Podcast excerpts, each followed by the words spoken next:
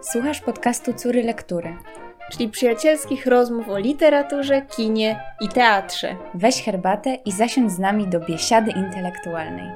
Dzień dobry albo dobry wieczór. Witajcie w kolejnym odcinku podcastu Córy Lektury. I dzisiaj o czym Basia opowie? No dzisiaj siedzimy nadal w Biblii, yy, a temat mamy dzisiaj wyjątkowo wdzięczny i obszerny naszym zdaniem, ponieważ dzisiaj poopowiadamy trochę o. yy, Nadal jesteśmy w pięcioksięgu mojżeszowym. Dzisiaj poopowiadamy o yy, historii Jakuba i jego syna Józefa.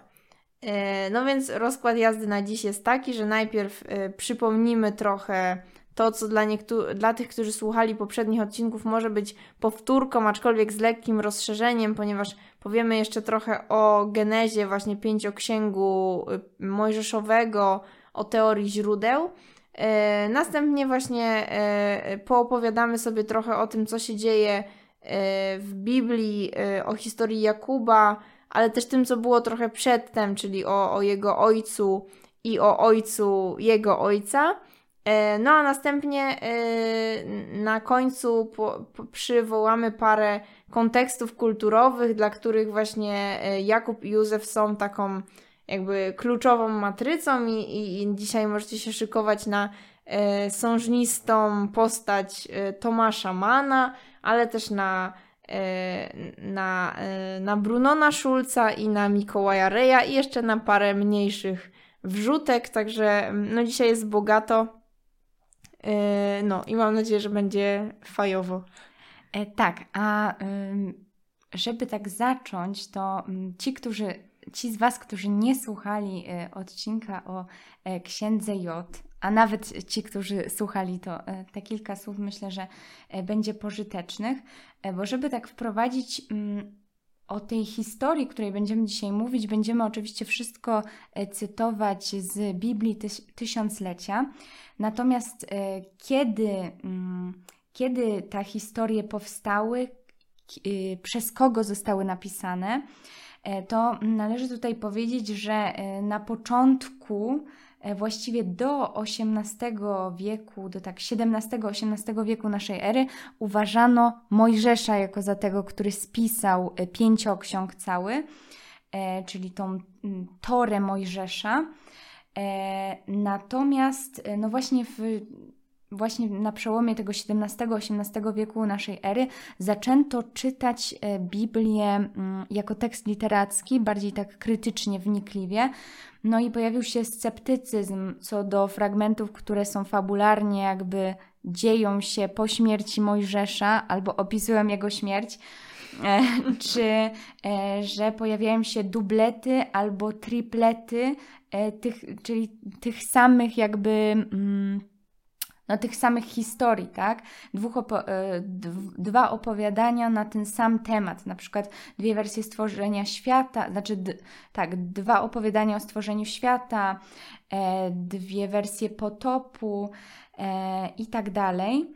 E, no i właśnie w XIX-XX wieku pojawiła się ta teoria źródeł, o której szerzej mówiłyśmy w tym odcinku o księdze J. No to ona tak głównie zakłada po prostu to, że pięcioksiąg ma kilka źródeł, kilku autorów, dokumentów, tradycji. E, I każdy, każdy z tych etapów mm, oddzielony, e, ta teoria źródeł, której jakby ojcem jest Julius Wellhausen, e, no, zakłada, że właśnie każdy ten etap był oddzielony od siebie mm, kilkoma setkami lat, na przykład e, 100 lat albo 200 lat. E, I mógł być, e, to nie znaczy, że pisała jakby jedna osoba e, w, od, w oddzieleniu tych na przykład właśnie kilkuset lat, ale że to były jakieś grupy osób, kronikarzy i tak dalej. E, Natomiast e, jeśli chodzi o, dzisiejsze, jakby takie najnowsze badania, to one e, mówi, mówią o tym, że tak, jakby zostajemy przy tej teorii źródeł, przy tej bazie, e, natomiast e, dzisiaj wyklucza się istnienie tego drugiego źródła, czyli tego E, tego elochwisty. Mówi się, że te teksty, e, które się uważa za przypisywało się wówczas jemu za autorstwo. Uważa się, że to jest zbiór starych tekstów, które zostały włączone do tego kanonu przez redaktora już potem właśnie w tym e, czwartym, mm, gdzieś właśnie w czwartym wieku przed naszą erą.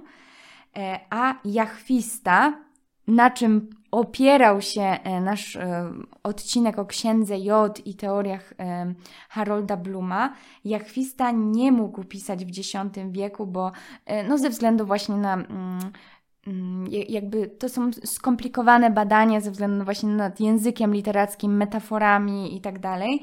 No i że E, dzisiaj się uważa, że Jachwista nie mógł pisać w X wieku, ale pisał raczej w VI czy w VII wieku e, przed naszą erą. Więc jeśli chodzi o dzisiejsze badania, dzisiejszy punkt widzenia, to teoria źródeł tak, z tym, że Elochwista nie istniał, a e, i nie było to tak rozstrzelone. Mhm czyli e, właśnie, że mówi się, że było pisane etapami, ale raczej siódmy, szósty i potem ostateczna wersja już czwarty wiek przed naszą erą, nie? Czyli, czyli jakby do yy, niewoli babilońskiej. I teraz, aha, i jeszcze jedna tylko rzecz, o czym warto wspomnieć, to anachronizmy, E, to jest też właśnie cecha pięcioksięgu, czyli uzmysłowienie sobie tego, że pięcioksiąg powstał o wiele później niż czasy, które opisuje, tak?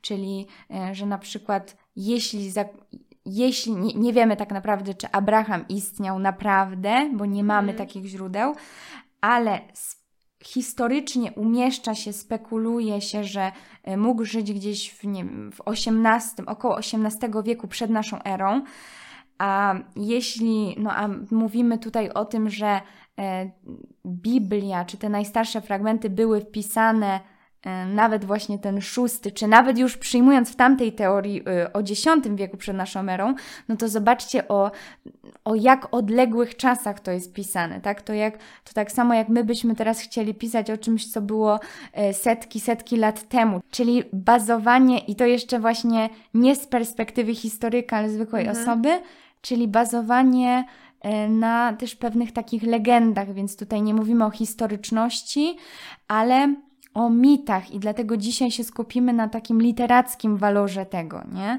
Że mm, spróbujemy to tak właśnie też odczytać. I to myślę tytułem takiego wstępu, dopełnienia też do e, odcinka e, księgi o księdze J, który mógł być mm, troszkę kontrowersyjny.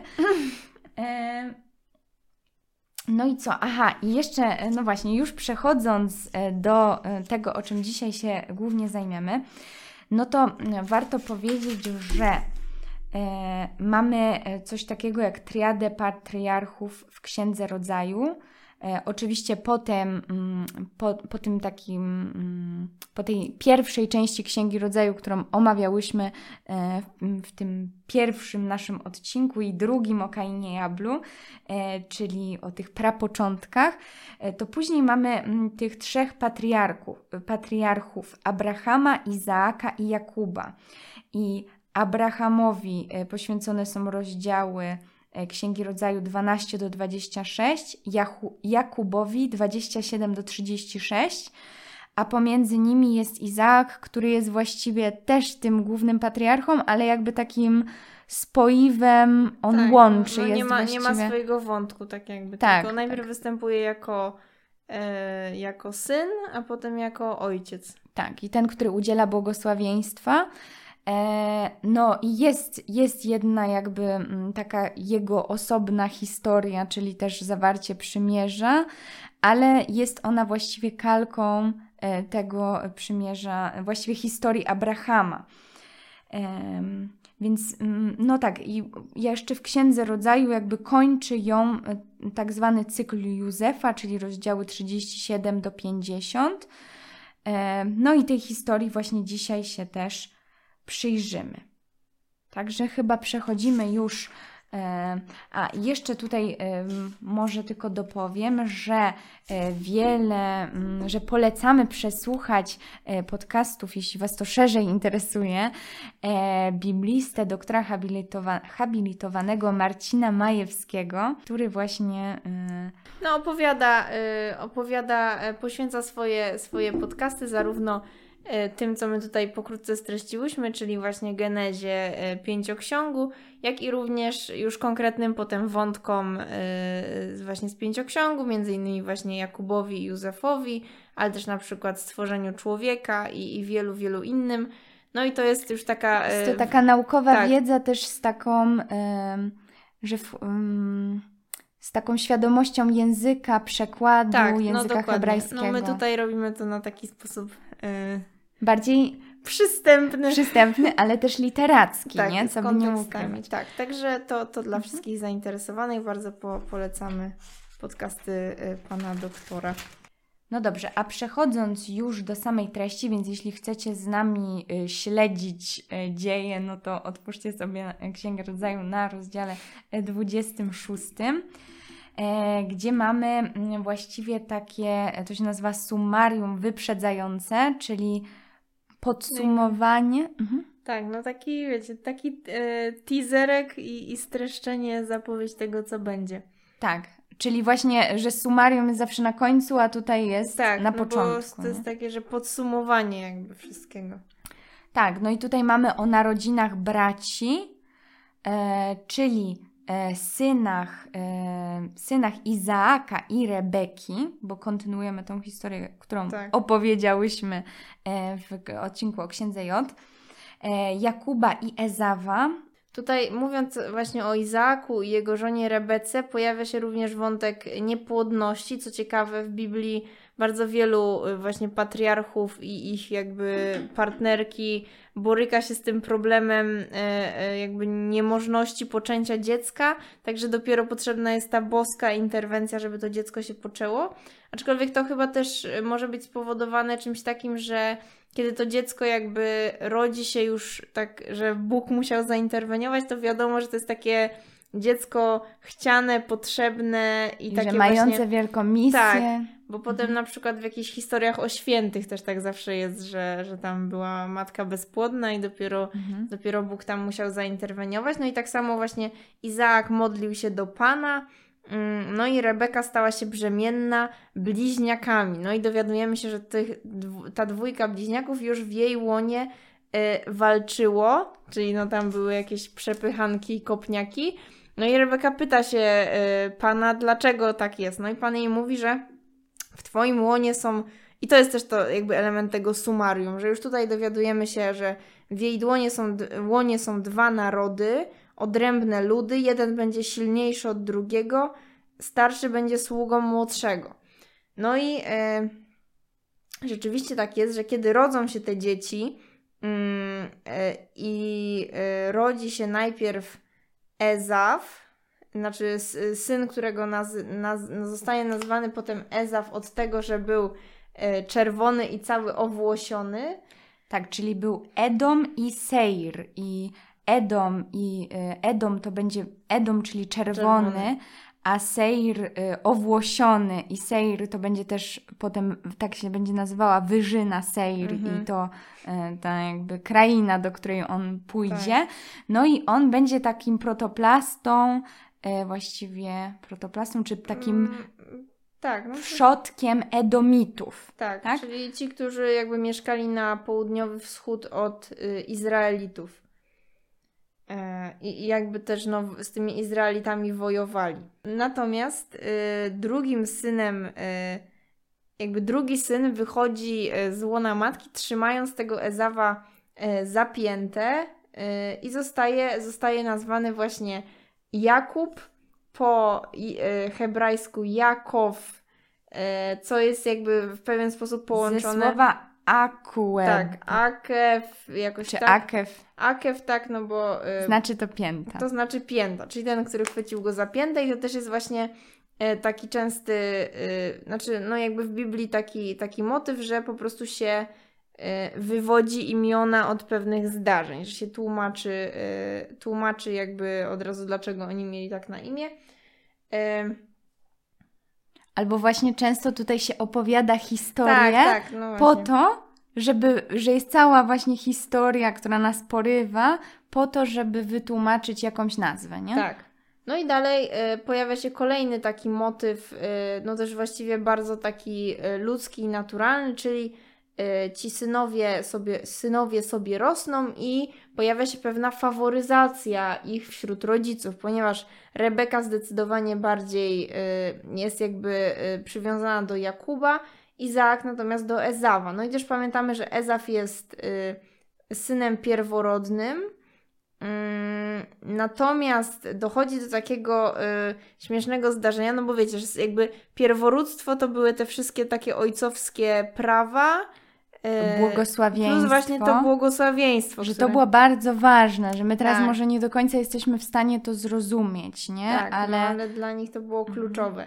Też jeśli chodzi jeszcze o tą faworyzację, to potem e, jak już e, do, do, dojdziemy do historii, e, już jak Jakub będzie ojcem Józefa, to tam też jakby to, że e, Jakub będzie faworyzował Józefa nad innych e, synów, będzie jakby przyczyną e, no, pewnych tam nieszczęść i, nie, i jakby takich właśnie nakręcających całą historię wypadków.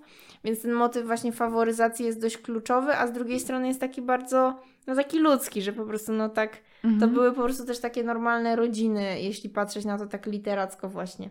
No i y, jest taka historia, że y, Ezaf, y, młody Ezaf przychodzi pewnego razu bardzo zmęczony y, y, z, z, z pola, no i, i prosi Jakuba, daj mu, daj mi miskę soczewicy. E, A Jakub mówi... Daj mi tę czerwoną potrawę. Tak, a Jakub mówi, no to oddaj mi pierworództwo i błogosławieństwo ojca. A on mówi, no dobrze. Jestem tak głodny, tak, że... że jak umrę z głodu, to po co mi błogosławieństwo? I on jakby oddaje mu to błogosławieństwo i nawet mu przysięga.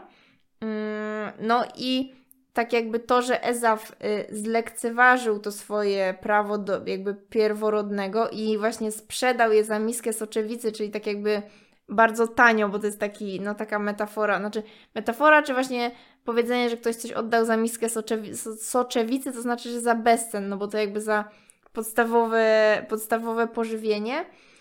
E, No też jakby sprawia, że potem mm, to, co zrobi Jakub, y, żeby to błogosławieństwo rzeczywiście uzyskać, trochę nabiera innego wydźwięku, no bo tak jakby Ezaf y, w jakiś sposób już to błogosławieństwo stracił wcześniej niż je stracił naprawdę, a zaraz się dowiemy, jak je stracił, ponieważ A jeszcze ja bym tylko No. dorzuciła, że mm, tutaj też no jakby nasuwa się siłą rzeczy myślenie o Kainie i Ablu, tak, no nie? jak najbardziej. O skłóconych braciach, y, też o jakiejś takiej faworyzacji, tylko tutaj ze strony rodziców, a tam ze strony Boga. No, ale to jest też bardzo takie paralelne, nie? Zwłaszcza w takim patriarchalnym ustroju, gdzie jakby ojciec rodziny jest takim właśnie tym dawcą praw życia i śmierci, no to jakby e, faworyzacja ze strony ojca jest, można powiedzieć, taką jakby ziemskim odpowiednikiem faworyzacji ze strony Boga, Tak. nie? Aha.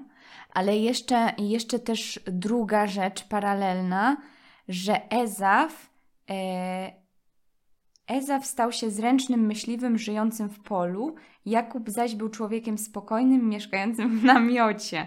No i też zobaczcie to, e, Jakub gotuje potrawę z soczewicy, a Ezaf poluje za zwierzętami. No. Czyli tak jak było, że... E, jak to było? E, no, no Kain uprawiał Kain rolę, uprawiał tak, rolę. a, a Abel był e, strażnikiem trzód. Czyli tam było na odwrót. Tak. No to tam było na odwrót, ale też jest jakieś takie myślenie mm, i też właśnie to, że jeden z braci odpowiada za to, a drugi za to, nie? Tak, tak, ale e, no właśnie, no i ciągnąc to dalej, potem w, w historii Józefa i jego braci ponownie będzie jakby taka paralela z Ablem i Kainem, tylko że tutaj będzie jakby Abel będzie jeden, bo to będzie Józef, chociaż jakby Józef też no nie będzie bez winy, a 11 będzie będzie Kainów. Mhm. I właśnie e, Tomasz Mann w swojej powieści, której jeszcze nie zdradzimy jakiej, ale to się zaraz dowiecie, właśnie napisał, że to był jakby jedenastogłowy Kain, ci jego bracia. Wow. No i że, że tak jakby, no, że to jest właśnie takie powtarzające się. No ale w każdym razie Izaak jest już stary i umiera, no i to jest ten, znaczy jest już umierający i to jest ten moment, kiedy e, powinien właśnie dać swojemu pierworodnemu synowi to błogosławieństwo, więc wzywa do siebie e, Ezawa i mówi Ezawie idź tam upoluj mi jakieś zwierzynę, zrób mi z niego To moją ulubioną Moją, potrawę. Tak, ulubioną potrawę, czyli to jest kiedy umierasz, po prostu moment. E, I przynieś mi ją, to dam ci błogosławieństwo. No a pamiętajcie, że Ezaw był e, owłosiony i że była to jego cecha dystynktywna w stosunku do jego brata. A, e, no więc kiedy matka Rebeka słyszy, że Ezaw właśnie ma wykonać to zadanie, aby otrzymać to błogosławieństwo, woła Jakuba i który wymyśla... jest jej ulubieńcem. Tak, jest jej ulubieńcem i wymyśla podstęp. I to też jest ciekawe, że y, właśnie Rebeka, będąc no jakby bohaterką kobiecą, reprezentuje tutaj właśnie takie jakby y, taki spryt, taką skłonność do podstępu. I taki... to ona, to zobacz, ona napędza jakby machinę tej siły, która zmienia coś, nie? No, Bo gdyby nie ona, gdyby nie powiedziała tego Jakubowi, to być może nic by się nie stało, no. nie? Więc ona to uruchamia ten trybik, który zmienia całą historię, Tak, można tak. powiedzieć. Ale właśnie chciałam powiedzieć też, że No. potem jakby Jakub, który też będzie jakby takim spryciarzem, No. tricksterem, będzie właśnie jakby, można powiedzieć, że przejął to po swojej matce. Z drugiej strony też potem żona Jakuba też będzie przecież, Rachela też będzie jakby umiała Tak, w takie podstępy. będzie, no. no i ich syn potem Józef, który będzie Tak. w ogóle takim jakby takim dowcipnisiem, takim jakby doskonale rozgrywającym niektóre sytuacje. Mhm.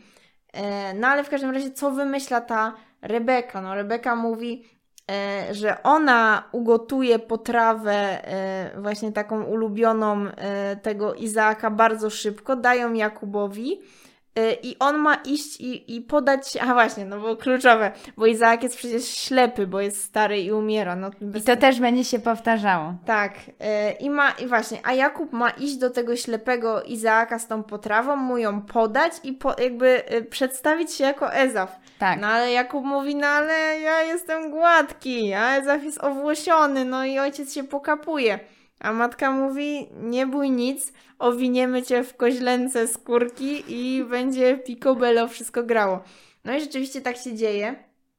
Aczkolwiek Izaak dziwi się trochę, że tak szybko e, z tym polowaniem e, to wszystko wyszło, bo no, on tam jakby Rebeka gotuje tą potrawę z jakiegoś tam Z e, koź, tak, z koźląt, które... które- przyprowadził Jakub, tak. a e, no, Ezaf musiał się udać na polowanie. Tak. A, to sko- by, a te koźlęta Jakuba były przyprowadzone z ich rodzinnej trzody, nie? Tak, tak. Więc, e, No więc, e, więc e, on jakby przychodzi, no i Izaak trochę się dziwi, mm, przedstawia się właśnie jako ten Ezaf, e, no i e, i co? I jakby e, Izaak nawet dotyka go, upewnia się, że to jest Ezaf i Bo mówi... tak się dziwi, że okej. trochę głos masz nie swój, Tak. ale że głos jest głosem Jakuba, ale ręce są rękami Ezawa. No i mu wierzy Tak, ostatecznie, no nie? i udziela mu, udziela mu tego pięknego. Aha, no bo on jeszcze wącha go, jakby, ale od tych koziołków tam czuje Tak, woń taką właśnie dziką.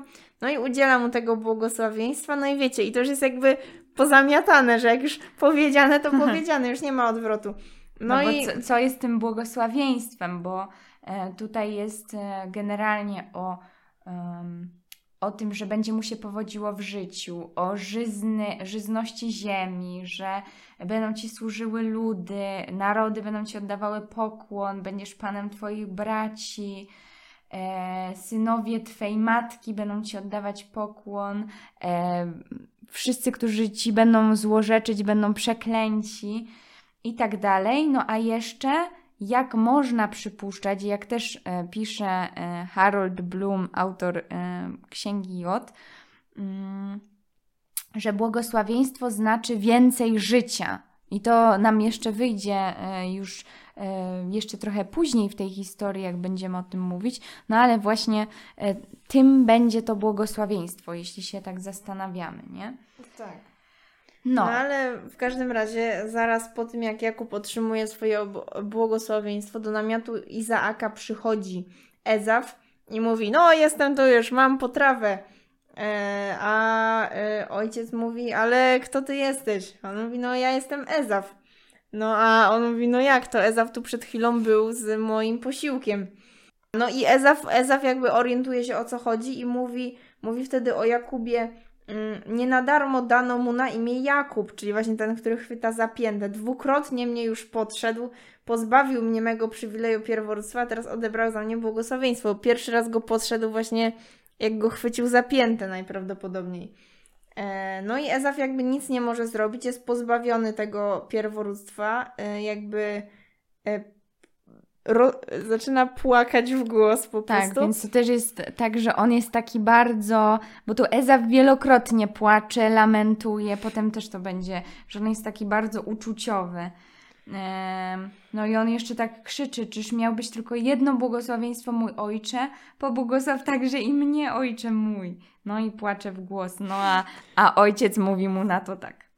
Nie będzie żyzny kraj, w którym zamieszkasz, bo nie będzie tam rosy z nieba. Z miecza żyć będziesz i będziesz sługą twego brata, a gdy pragnienie wolności władnie tobą, zrzucisz jego jarzmo z twej szyi.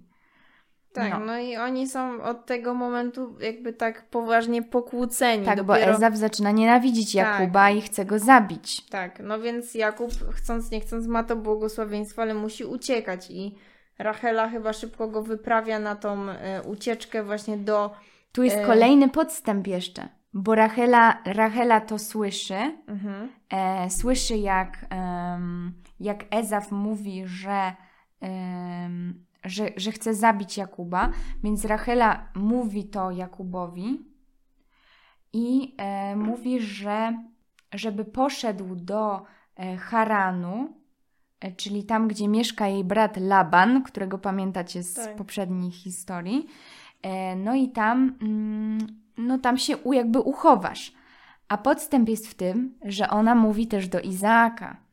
Ojej, sprzykrzyło mi się życie z tymi Hetytkami. Jeżeli jeszcze Jakub weźmie sobie za żonę Hetytkę, czyli jedną z tych kobiet, które są w tym kraju, to już nie będę miała po co żyć. No i Izaak mówi, nie no, to rzeczywiście, to musimy powiedzieć, powiem Jakubowi, żeby on szedł do tego kraju, gdzie mieszka twój brat i weźmie sobie e, żonę z, e, no jedną z córek twojego brata. Tak. Więc tutaj jest też Izaak jest e, no właśnie Jak wmanipulowany. no właśnie, znowu. E, No i mówi tak Jakubowi. No więc Jakub już pełnoprawnie e, sobie, e, znaczy sobie, no ucieka po prostu. E, No a Ezaf e, jest tym niepocieszony, nie? Tak, no. Bo widzi, że, bo widzi, że jeszcze e, no nie dosyć, że to Jakub dostał błogosławieństwo, to jeszcze słyszy, że rodzice mówią idź do tego kraju, tam weźmiesz sobie jak, e, za żonę którąś z mm, córek brata twej matki, nie? Tak. No i e, Jakub udaje się w tę podróż. E, jeszcze po drodze ma taką przygodę, że kiedy kładzie się spać na kamieniu, zamiast poduszki ma kamień, ma pewien sen. No i tutaj znowu jakby motyw snów znaczących, czy jakichś takich wizji też bardzo częsty no, w tych historiach, czy w ogóle w Biblii. Mm, I śni mu się e, ta bardzo znana Jakubowa drabina. Pewnie o tym kiedyś słyszeliście, słyszałyście że Jakubowi właśnie się śni drabina sięgająca swym wierzchołkiem nieba i anioły, które jakby schodziły i wchodziły po tej drabinie. No i na samym szczycie stoi Pan i mówi: e, Ja jestem Pan, Bóg Abrahama i Bóg Izaaka. Ziemię, na której leżysz, oddaję Tobie i Twemu potomstwu. A potomstwo Twoje będzie tak liczne jak proch ziemi, Ty zaś rozprzestrzenisz się na zachód i na wschód, e, na północ i na południe. Wszystkie plemiona ziemi otrzymają błogosławieństwo przez Ciebie i przez Twych potomków. Ja jestem z Tobą i będę Cię strzegł, gdziekolwiek się udasz. A potem sprowadzę Cię do tego kraju, bo nie opuszczę Cię, dopóki nie spełnię tego, co Ci obiecuję. Czyli no właśnie, tu mamy znowu tą obietnicę tych licznych potomków, która bardzo podobnie jak to było w przypadku Abrahama. E, no i też to, że właśnie Bóg jakby ofiarowuje Jakubowi tą ziemię, e, a z drugiej strony zapowiada, że będzie mu towarzyszył cały czas, cokolwiek będzie się, e, będzie czy nie będzie się z nim działo, więc możemy też się domyślać, że te wszystkie jakieś trudności, które potem spotkają Jakuba, tak jakby będą w jakiś sposób no, z, z takim boskim przyzwoleniem się działy. No tak, no, no i da dalej już y, chyba możemy powiedzieć o tym, jak y, Jakub poznaje swoją żonę. Mhm. I wygląda to tak, że, że Jakub dociera do tego kraju i widzi tam e, stado właśnie owiec no, e, pasących się na pastwiskach i widzi Rachelę, córkę Labana, brata swej matki. Czyli mm. swoją kuzynkę. No Czyli w sumie swoją kuzynkę. Ale to też było takie, wiecie, że jakby wręcz pożądane, żeby się tak, tak mu przykazał ojciec tak. nawet, nie? No w każdym razie on, gdy ją widzi, tutaj mamy, to jest w Biblii niesamowita historia miłosna, mhm. romantyczna, ponieważ e, no, on się od razu w niej zakochuje, także kiedy tylko się z nią wita, to płacze, ma łzy szczęścia. No. Um, no i, i potem mm, wyjaśnia jej, kim jest. E, ona zaprowadza go do Labana. E, Laban mówi: Przecież jesteś moją kością i ciałem, czyli no, że jesteś moim krewnym po prostu. Mm. No i Jakub, y, Jakub mieszka już u Labana jakiś czas.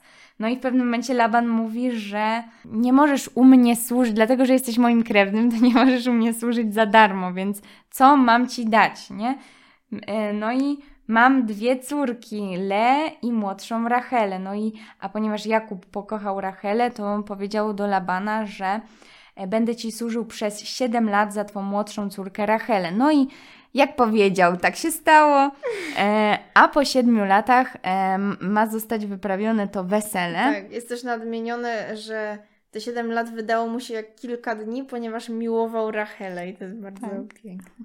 No, ale też było w ogóle jakby problem jest taki, że no, tak jakby Laban powinien najpierw wydać starszą córkę za mąż, a nie młodszą, że to... Bo takie było prawo jakby tak. w ich no więc ludzie. Laban kombinuje bardzo dobrze w ten sposób, że... Jest już uroczystość ślubna, no i w nocy, e, no wiecie, wszyscy piją. Tak. Wino. Też panna młoda ma zapewne zarzucony welon jakby na tak. twarz. I no jakby jako kobieta tak się tam jakby no nie afiszuje ze sobą. E, więc no po prostu następuje taka sytuacja, że kiedy małżeństwo ma zostać skonsumowane e, w noc poślubną, znaczy w pewnym momencie następuje po prostu, wiecie, tak zwany zmiana dup. zmiana dup. Czyli Laban e, daje, znaczy przyprowadza do namiotu Jakuba Le, Le nie no Rachelę. E, Jakub się nie orientuje. Dopiero rano, kiedy się budzi, mówi Jezu, e, znaczy nie wiem co, pewnie mówi no, coś mówi... gorszego, ale mówi, cóż mi uczyniłeś, czy nie za Rachelę ci służyłem, czemu mnie oszukałeś, bo się orientuje, no, że spał z tak. Leą. No, Laban mówi, no sorry, no takie jest prawo, nie? No zresztą już małżeństwo skonsumowane, już bardzo mi przykro, za późno. Więc, y, bo Laban mówi, że on takie jest prawo i on wymyślił, że najpierw poślubisz Tom, a potem poślubisz Rachelę, tak, tak jak chciałeś. No. Ale musisz przez e, ten tydzień być z Leą, bo tydzień trwają te uroczystości weselne, a potem damy ci Rachelę, ale będziesz musiał u mnie służyć jeszcze 7 następnych lat. lat. No. no i Jakub mówi, nie no okej, okay, bo tak ją kocham, że no. po prostu tak będzie. Tak. Natomiast... E... Też Lea jest opisana chyba jako taka nieszczególnie ładna. Znaczy w Biblii chyba, znaczy nie wiem w sumie, czy w Biblii tak jest, bo na pewno potem w jakichś przetworzeniach kulturowych jest tak, Bo tam że... jest, że ona ma jakieś chyba zgaszone oczy, a tutaj w przypisach jest, że zgaszone, czyli czułe, ale to nie wiemy w sumie, jak no, to no, no. wyglądało ze strony no tego przykładu. To u Tomasza Mana tak jest, że Lea miała jakieś chyba jedno oko takie uciekające trochę na bok, no i że nie była... Może też była piękna. No ale nie podobała się Jakubowi nie, no, w każdym nie podobała razie. Się. No ale w każdym razie właśnie, bo to wynika z tego, że Jakub nie ma po prostu żadnego dobytku, żeby za tą jakby żonę zapłacić, więc on musi pracować. No tak, no i właśnie, a dlaczego nie ma dobytku? No bo on musiał uciekać, uciekać no. w sumie przed Ezawem, którym jakby chciał go zabić, tak? I teraz jeszcze można powiedzieć o tym, że Laban daje e, Lei, mm, jak to się mówi, niewolnicę e, Zilpę. Zilpę, a potem Racheli daje niewolnicę Bilchę. Czyli i potem z tymi niewolnicami Jakub też będzie miał dzieci. Tak, no bo te kobiety też mają problem z zajściem w ciążę. E, znaczy w sensie e, Znaczy Lea i i Rachela. Rachela. No i też e, właśnie o to chodzi, że potem jakby tych dwunastu synów Jakuba to będą jakby dzieci tak naprawdę z czterech matek. No bo z Lei, z Racheli, no z Racheli będzie tylko dwójka dzieci potem z Zilpy i Bilchy, więc jakby to będą też plemiona, które będą ze sobą nawzajem, znaczy plemiona, no jakby ci bracia będą w takich pewnych Że koalicjach. ich potomkowie to będą Tak, jakby oddzielne takie szczepy, nie? Tak. No a jeszcze od razu będąc przy tym, no to y, z samego tego, że, znaczy jedna sprawa, że jakby y, tutaj to, że Jakub ma dwie żony, to jest jakby wynika jakby z tej specyficznej sytuacji, że to nie jest tak, y, że to jakby w czasach biblijnych nie było przyjęte wielożeństwo wśród takich normalnych ludzi, wyłącznie właśnie w takich sytuacjach jak na przykład niemożność yy, tam spłodzenia potomstwa, no to na przykład jak jedna żona była niespłodna, no, niepłodna, no to się brało drugą. No tutaj to jest po prostu specyficzna sytuacja. A te nałożnice mają, znaczy nałożnice, te niewolnice dwie mają jakby trochę inny status. No ale też jakby od razu tutaj wrzutka, że właśnie z tego fragmentu Biblii właśnie o tym wzięciu niewolnic, które jakby są takimi no, ym, no one po prostu mają te funkcje rozpłodowe, brzydko mówiąc, pełnić, no to właśnie kto zna opowieść podręcznej, no to właśnie tamten system tych podręcznych, które właśnie taką funkcję Mhm. pełnią wobec tych jakby kobiet i ich mężów, no to jest właśnie inspirowany tym fragmentem Biblii. E, No i te, właśnie w opowieści podręcznej te główne bohaterki nie mają swoich imion, tylko nazywają się e, jakby od e, E, tych- imienia tego. Mężczyzny, któremu Mhm. jakby aktualnie służą. No i też jakby są szkolone w tak zwanym centrum Re- Racheli i Lei właśnie, czyli e, gdzie są jakby to jest ten obóz szkoleniowy dla przyszłych podręcznych. No ale to pewnie długo by o tym można mówić, a to Ale jak ktoś czytał, no to fajnie to- e, się łączy. tak. E, E, dobrze.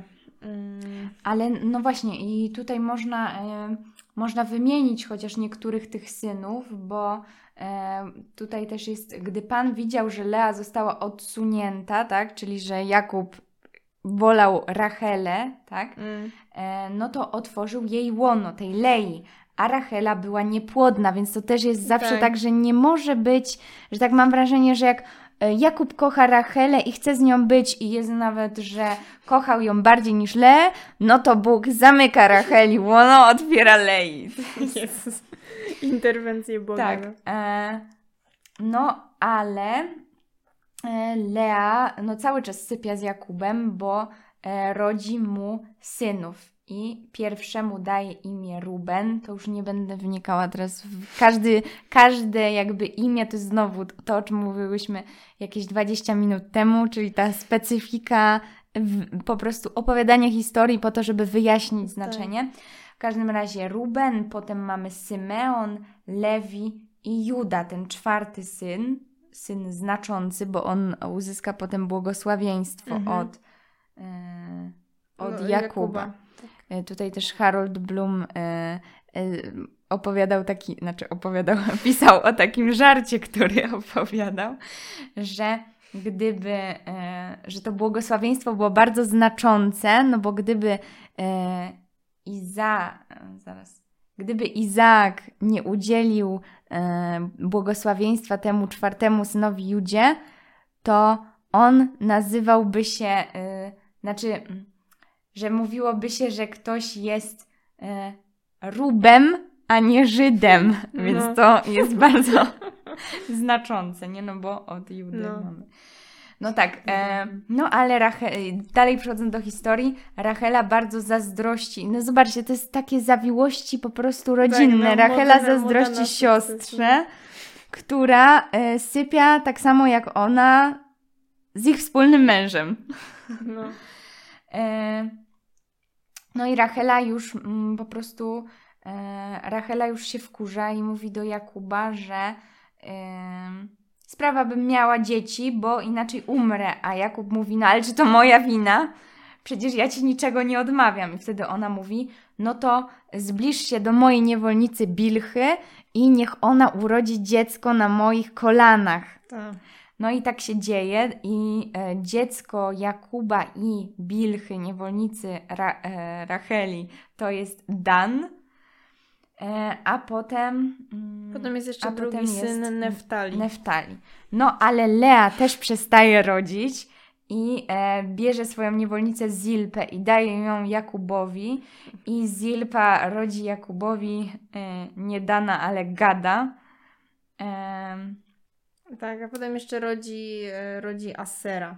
Albo Ashera. Ashera, no. Ale tu jest jeszcze motyw ten z tą mandragorą. Tak, i u, ulubiony motyw, czyli kłótnia o mandragory, ponieważ Ruben, czyli ten e, pierworodny syn Lei i Jakuba, on idzie na pole mm, i znajduje mandragory. Jeśli nie wiecie, jak wyglądają mandragory, zalecam w tej chwili wygooglować sobie i mhm. sprawdzić, bo e, no, wyglądają jak, przynajmniej były takie rysowane w różnych no. takich podręcznikach, też starodawnie, no jak też, tacy ludzie. No też w Harrym Potterze, jak ktoś oglądał, to tam są to te ja krzyczące takie jak jest Aha. lekcja przesadzania mandragor, to, to też jest właśnie te, takie krzyczące takie dzieciaczki, nie? Tak, no jak ktoś oglądał Labirynt Fauna, no to również mój horror po prostu z dzieciństwa. Oczywiście znakomity film, ale no tam też właśnie jest e, motyw mandragory. No a w starożytności e, wierzono, no bo ona wygląda właśnie jak mały człowiek,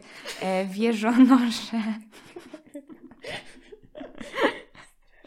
Wierzono, że owoce mandragory są środkiem e, leczącym niepłodność. No i dlatego, kiedy Ruben przynosi Lei e, mandragory, to Rachela mówi: Daj mi te mandragory. E, a Lea, czy nie dość, że mi zabrałaś mego męża, jeszcze chcesz zabrać mandragory mego syna? No bo w tym momencie obie są niepłodne. Mhm. No i Rachela mówi: To daj mi mandragory, a niech Jakub śpi z tobą tej nocy. I, i no i tak się dzieje. I co się dzieje? Boże, już się zagubiłam. No i Lea rodzi kolejnego syna Jakubowi i Sachara, a potem e, rodzi szóstego syna Zabulona, a potem jeszcze rodzi córkę Dinę, która też będzie, o, o niej będzie jeszcze mała historia. No i Bóg zlit, zlitował się też nad Rachelą, mhm.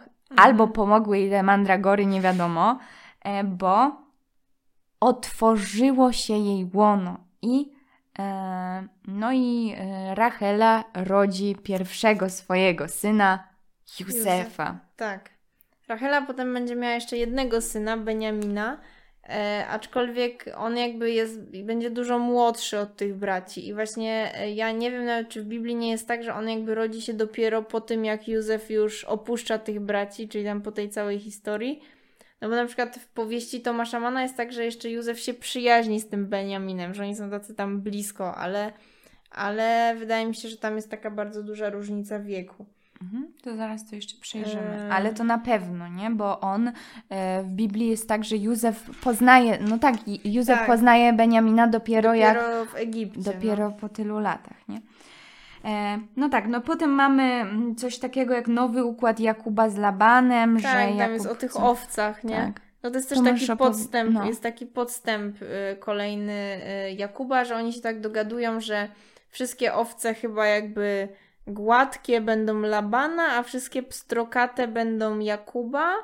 E, no i Jakub tutaj robi po prostu starożytną magię psychobehawioralną, ponieważ y, zawiesza tym owcom jakieś takie pstrokate fragmenty kory brzozowej. Tak, jakieś i, takie patyki tak, przy ich wodopoju. Tak, i te owce, wiecie, jak się patrzą na tą pstrokatą korę, to jakby rodzą też takie pstrokate owce. I e, w ten sposób jakby Jakub ma bardzo dużo owiec. No i to jest właśnie, że ona jakby przez zapatrzenie się upodabniają te jakby rodzone owce do tej kory. No wiecie, to jest Tak, takie... tutaj jest, gdy bowiem zwierzęta po prostu. przychodziły pić wodę, parzyły się, parzyły się. Ja na początku to czytam, mówię, Jezus Maria, to on im dawał wrzątek do picia, czy co? A potem mówię, nie, parzyły się, czyli od para owiec, czyli Uprawiały seks. tak, dokładnie, rozmnażały się. Parzyły się. Dobra, no i Jakub tym podstępem staje się człowiekiem Bardzo bogaty. bardzo zamożnym.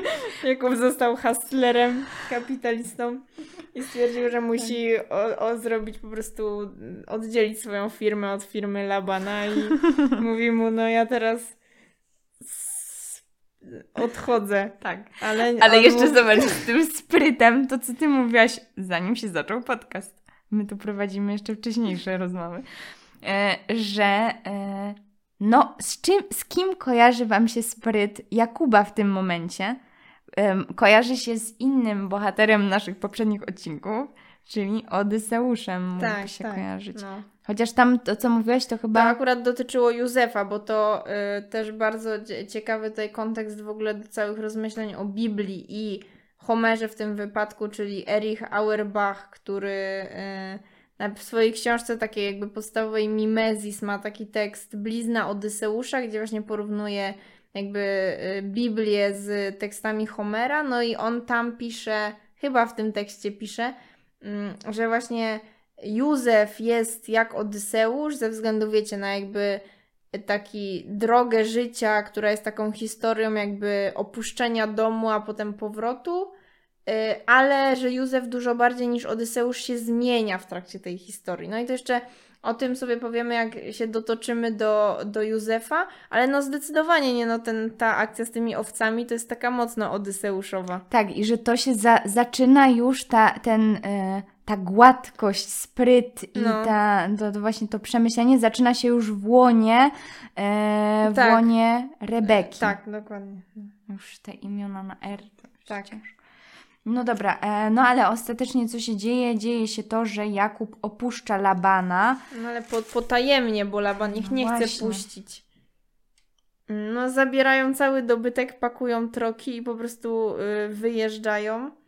A e, Rachela zabiera Labanowi posążki domowe, czyli e, prawdopodobnie jakieś wizerunki bóstw opiekuńczych domu. E, I one prawdopodobnie dawały e, Labanowi prawo do dziedzictwa, dlatego one też są takie kluczowe. Rachela je zabiera, wszystko zabierają, uciekają.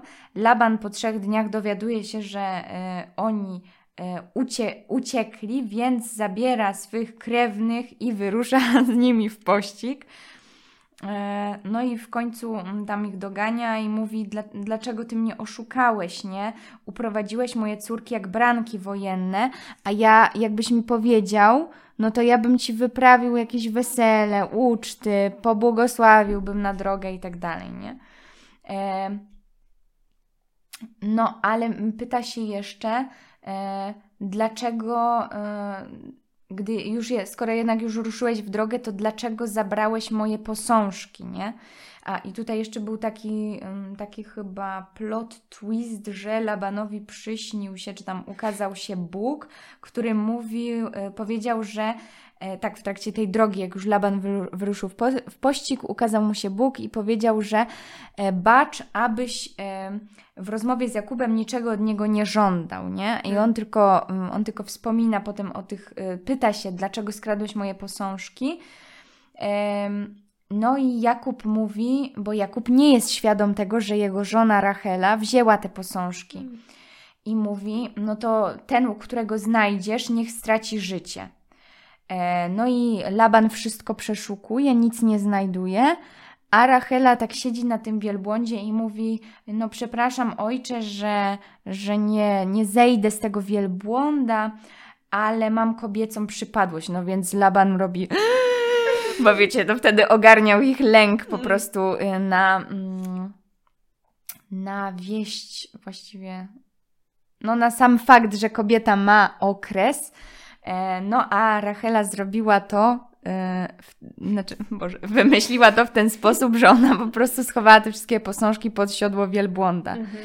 E, Także też Tak, no, i to jest, te, to jest ten spryt, o którym mówiłyśmy też Tak. znowu kilkanaście minut temu, czyli ta przebiegłość, nie? No i też właśnie co ciekawe, no to Harold Bloom właśnie we wspomnianej już Księdze J, on to tak odczytuje, że może ja zacytuję, kradnąc posążki i tak przebiegle siadając na nich, Rachela zapewnia sobie swobodę odejścia z Jakubem.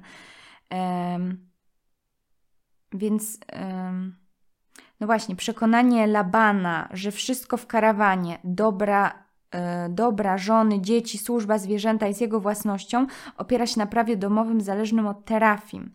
E, no, a Czyli Rachel... tych posążków, te Tak. terafimy to są. A Rachela, e, Rachela właśnie, mm, znowu to jest przykład, jakby obraz takiej niesamowicie dojrzałej kobiety, e, takiej przebiegłej, która Mhm. też mm, uzurpuje sobie może właśnie, no nie, to jest złe słowo. Mm, No ale na przykład działa bez wiedzy Jakuba też, nie? tak, No, że, że jest taka, jak to powiedzieć? No taka jakby, no nie No, wiem, że jest taka wolna- i świadoma swoich działań. Tak, no. i, i właśnie robi coś, e, coś takiego, mm, no tak jak właśnie mówisz, że robi coś bez, e, przeciwko ojcu, e, a jesteśmy w ustroju patriarchalnym, Mhm. przy niewiedzy męża, więc to jest też Tak. takie, no nie, że na, nie wiem, czy naruszenie tamtych granic, ale że właśnie uzurpuje sobie to takie prawo do tej wolności, o Mhm. decydowaniu, no i to jest też taka właśnie taka ironia w tym zawarta, Tak, nie? tak, że no. w sumie nikomu o tym nie mówi, no bo jej mąż też o tym nie wie, a jednak jest ten taki czyn, nie? Em, no tak, no i potem, e, potem Laban z, Laban z Jakubem zawierają coś na rodzaj takiego przymierza, takiej zgody i tam ucztują, e, budują jakiś pagórek z kamieni i mówią, że teraz mm, do tego pagórka to nie możemy nigdy iść do siebie tam w niezgodzie czy coś takiego. No ale mm, to już chyba dalej możemy przejść do spotkania z Ezawem. No Jakub wyprawia posłów do Ezawa, e, jakby z takim pokojowym e, Bo żądaniem to Jakub jest jakby w spotkania. dalszej tej drodze od Labana, Tak, nie? tak. No i y, posłowie wracają z wiadomością, że spotkali jakby już idących lud, y, jakby Ezawa z 400 ludźmi, czyli z taką jakby wiecie mini armią. No i Jakub się przeraził, mówi kurczę, no niedobrze. Y, jeśli Ezaw uderzy na nasz obóz, no to podbije go. Y, znaczy, aha, no, no właśnie, że on się jakby boi takiego zbrojnego starcia wręcz.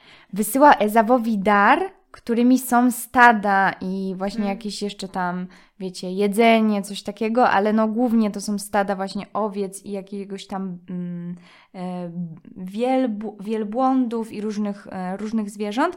No i wysyła w takich odstępach, że pierwszego sługę z jednym, kolejnego z drugim, e, trzeciego, a potem idzie on sam i...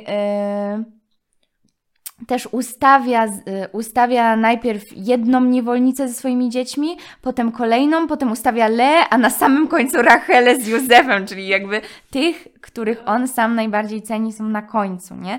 No bo się boi, że Ezaf y, po prostu, no to co ty Basia mówiłaś, że Ezaf chce go zabić i on już na niego rusza, a to jest też taki znowu kolejny taki podstęp Jakuba, taka chytrość, że on chce załatwić coś niebezpiecznego, czy załatwić jakąś sprawę, no właśnie pod, poprzez ten podstęp, czyli że poprzez przekupienie brata, że ja wyślę mu tyle darów, pierwszy sługa mu powie, że jestem e, sługą e, Jakuba, brata twego, ale to wszystko jest dla ciebie, bo on tam wysyła no masę, setki, rozumiecie, zwierząt. Tych E, owiec namnożonych. Tak. No i y, dochodzi, no właśnie, tutaj mamy spotkanie z No, Ezawem, jeszcze nie- mamy przerwane ważnym wydarzeniem. Tak, bowiem Jakub kładzie się spać i jakby jest to opisane tak enigmatycznie, że ktoś jakby kiedy został sam, ktoś zmagał się z nim, czyli jakby walczył z nim, aż do wschodu jutrzenki. E, A widząc, że nie może go pokonać, dotknął jego stawu biodrowego i wywichnął Jakubowi ten staw podczas zmagania się z nim. No i wreszcie jakby ten zmagający się nieznajomy mówi puść mnie, bo już wschodzi zorza. A Jakub mówi nie puszczę cię, póki mi nie pobłogosławisz. No i tamten mówi e, no dobra, no to jak masz na imię? On mówi Jakub. On mówi, odtąd nie będziesz się nazywał Jakub, tylko Izrael, bo walczyłeś z Bogiem i z ludźmi i zwyciężyłeś. No i y, tak jakby y, to, to, wydarzenie, które często się kryje pod, na, jakby nazywa się walką Jakuba z aniołem, albo wręcz walką Jakuba z Bogiem, y, no jest takie dość enigmatyczne, ponieważ z jednej strony jest to moment, kiedy Jakub właśnie dostaje to nowe imię Izrael, czyli no, w zależności od tłumaczenia, albo ten, który walczył z Bogiem, aczkolwiek chyba poprawniejsze jest tłumaczenie tego jako aby Bóg panował, czyli że to jakby Bóg ma być tym walczącym, panującym. Y, no jakby tutaj nad znaczeniem tej walki Jakuba z Bogiem czy z aniołem, no y, jakby namysł wśród znawców Biblii je trwa, bo to jest takie bardzo, bardzo enigmatyczne no bo z jednej strony można to uznać na przykład za to, znaczy w ogóle należy sobie zadać pytanie, jak to jest w ogóle możliwe, że Bóg jakby chciał e, walczyć z człowiekiem i że tak jakby, jak to jest możliwe, że człowiek był w stanie walczyć z Bogiem. Który jest wszechmogący. Tak, który jest wszechmogący. No i można to wytłumaczyć jako jakieś takie duchowe zmaganie, które człowiek na przykład To też podejmuje. się tak często interpretuje jako właśnie, właśnie walkę duchową z Bogiem, tak, nie? Tak. Mm, a Harold Bloom jak o tym pisał? No Harold Bloom tutaj nie ma jednej takiej interpretacji, on sam się zastanawia, mm, ale mówi o tym, że mm, znaczy pisze tutaj właśnie o tym, że za tą wizją tak tajemniczą i tak niedopowiedzianą i też za tym, że nie mamy przytoczonego tutaj imienia tego, z kim walczył e, mhm. Jakub, no to on mówi, że kryje się jakaś e, archaiczna żydowska religia, o której e, coś jest wzmiankowane w, stek- w tekstach pobiblijnych. No i tutaj też. no, że, że właśnie te teksty mm, pozwalają ustalić y, jakichś takich kandydatów, kim mogliby być ci, na przykład jeśli mm, mówimy, że to y, anioł, tak? E, kto mógł być przeciwnikiem Jakuba. No i to mógł być e, Michał Metatron, czyli inna, inna wersja Michała, Gabriel, Uriel. E, no a mm, Blum skłania się ku takim dwóm teoriom najbardziej. Mógł być to Samael, anioł śmierci, bądź i anioł o imieniu Izrael, który ponieważ przegrał, zrzekł się swoim, swojego imian, im, nie, imienia na rzecz Jakuba. E, więc to jest jedna ta teoria, ale wiecie, to też e, Bloom mówi, no wydaje mi się, że może być tak, albo może być tak, więc to jest zupełna taka, wiecie, literacka hipoteza, nie? No ale możemy to interpretować w ten sposób, właściwie takie domysły snuć, że e, właśnie Izrael, który utracił imię na rzecz Jakuba, albo właśnie ten anioł śmierci, który przegrał i dlatego Jakub powie, mimo że widziałem Boga twarzą w twarz, jednak ocaliłem życie. Nie? I kończy się to tylko, e, kończy się to tym, że ma mm, jakby utyka na nogę, bo ma zwichnięty ten staw biodrowy. Mm. No i, i tutaj też dochodzimy do tego e, błogos, tej istoty błogosławieństwa, o czym, na co wcześniej się powo powoływałam, o czym pisał Bloom, że nigdy wcześniej błogosławieństwo nie oznaczało tak dosłownie więcej życia, że tutaj ten anioł czy Bóg udziela Jakubowi błogosławieństwa na sam koniec, tak, bo przegrywa.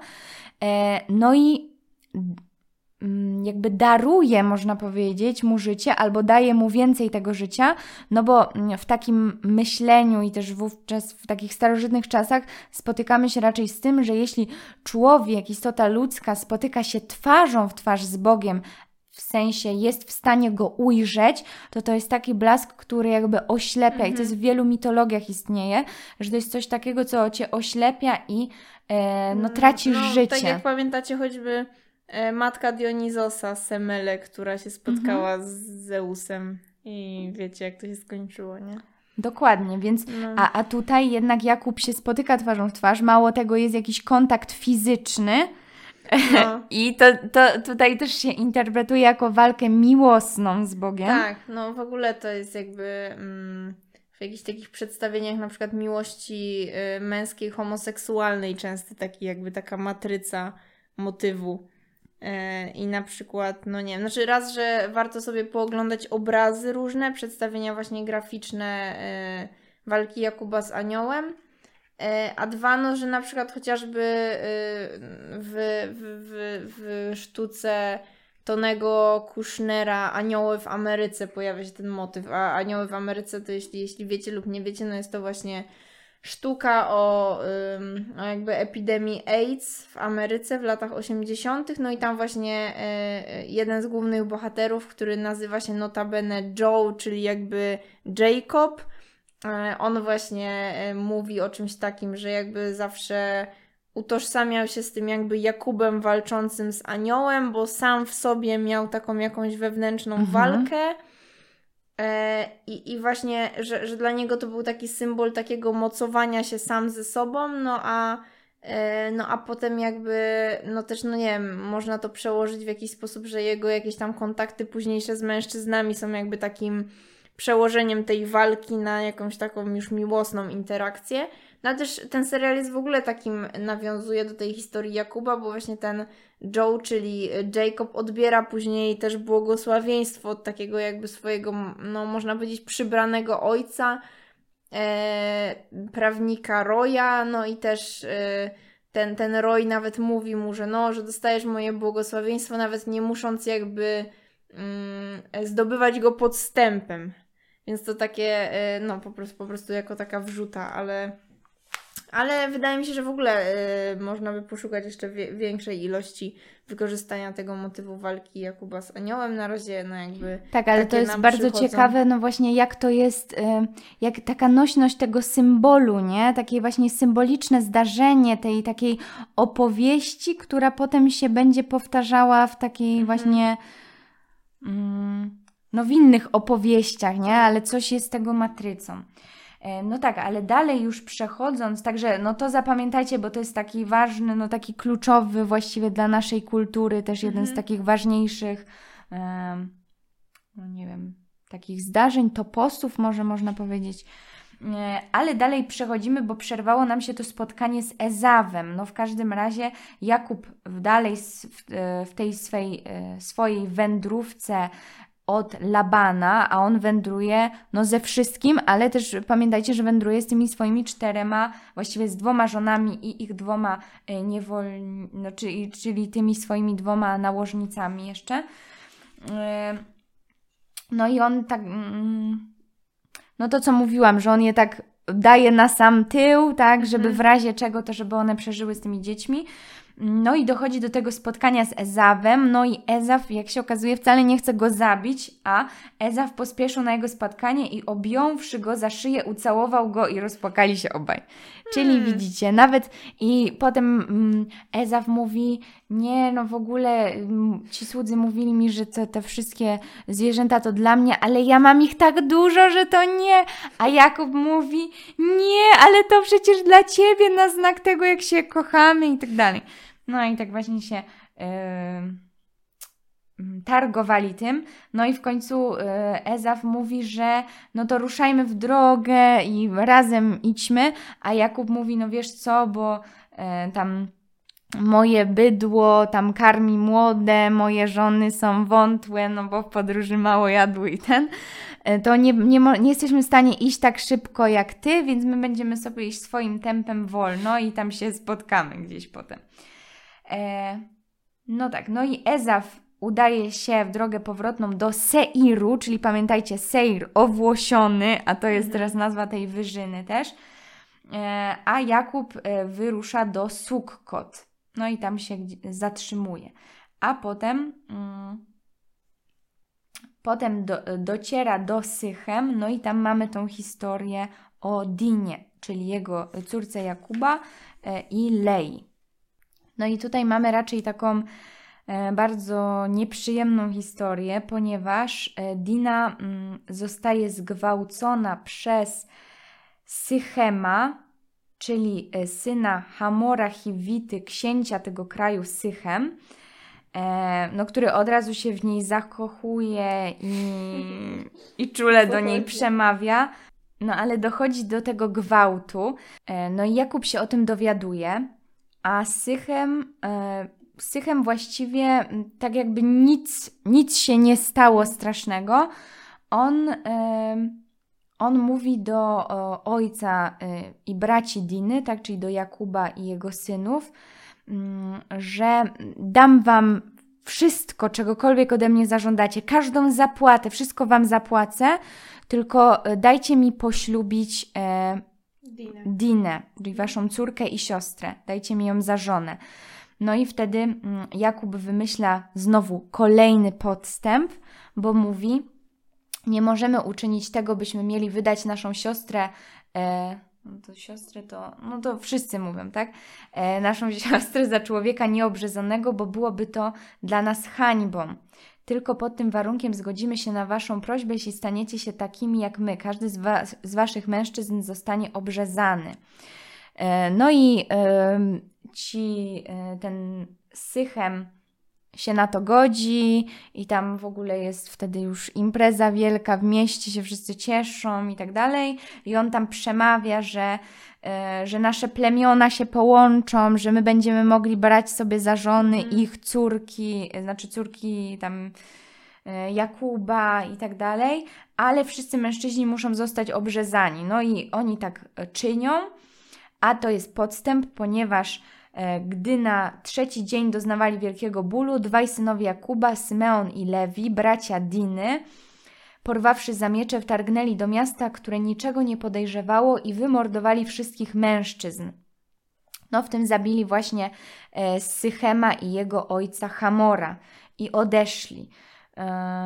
No i jeszcze obrabowali y, miasto za to, że mm. zhańbiono ich siostrę, nie? No i potem Jakub trochę chwyta się za głowę i mówi, mówi, że trochę, trochę no za dużo, bo teraz wszyscy będą mnie nienawidzić, ale ci bracia, y, synowie Jakuba mówią, czyż mieliśmy pozwolić na to, by, by się obchodzono z naszą siostrą jak z nierządnicą. Mm. No i tak się kończy ten epizod, ale no właśnie to jest, y, więc tutaj mamy taki no, epizod właśnie tego gwałtu i y, całą historię poświęconą córce, tak, Jakuba. Tak, no a no i też właśnie historia, która pokazuje, że to jest jak, jakiś taki kolejny myślenie, takie podstępem, sprytem, nie? Mm. No i potem, e, no bo wiecie, dlaczego Jakub tak podróżuje? Dlatego, że co chwilę ukazuje mu się Bóg i właściwie nie wiem, czy mu się ukazuje, ale po prostu Bóg do niego mówi. No i teraz mówi do niego, idź do Betel i tam zamieszkaj. No i e, Jakub tam robi, e, znaczy Jakub tak czyni, buduje tam ołtarz i nazywa to miejsce El Betel. No i wtedy jeszcze raz ukazuje się Jakubowi Bóg i mówi: e, Imię Twe jest Jakub, ale odtąd nie będą Cię zwać Jakubem, lecz będziesz miał imię Izrael. Więc to też jest. E, więc to, to jest jakby kolejna historia, która wyjaśnia jakby znaczenie tego imienia Izrael. Mm.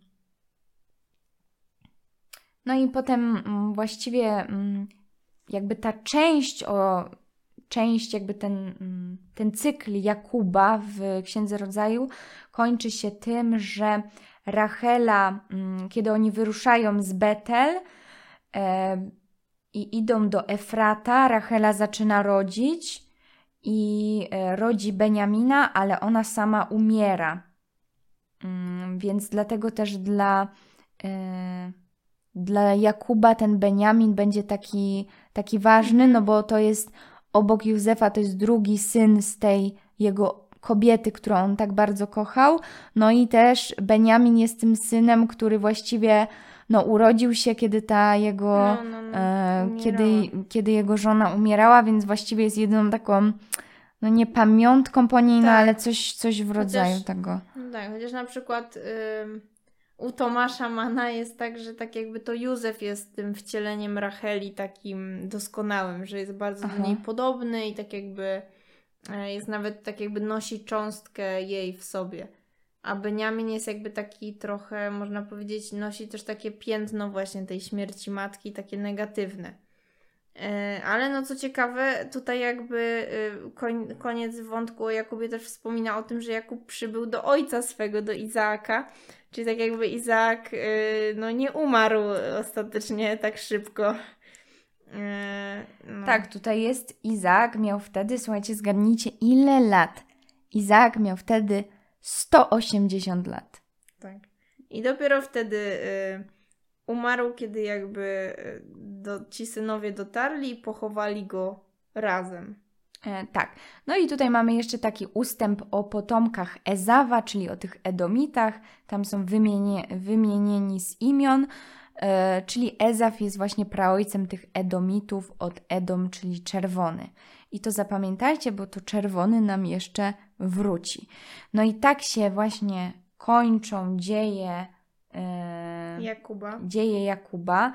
I mm, no tak, zapowiadałyśmy Wam na początku rozkład jazdy i Tomasza Mana, ale widzicie, że e, po prostu ta droga jest bardzo długa i obfita w piękne krajobrazy, dlatego nie dotoczyłyśmy się, a żeby e, Wam już nie przedłużać, to zrobimy dzieje Józefa z Tomaszem Manem razem. Tak, i innymi, i innymi kontekstami, kontekstami, więc koniecznie proszę przesłuchać kolejny odcinek, a nie zostawiać e, przez to, że to druga część to niby mniej ciekawa, bo wcale tak nie będzie.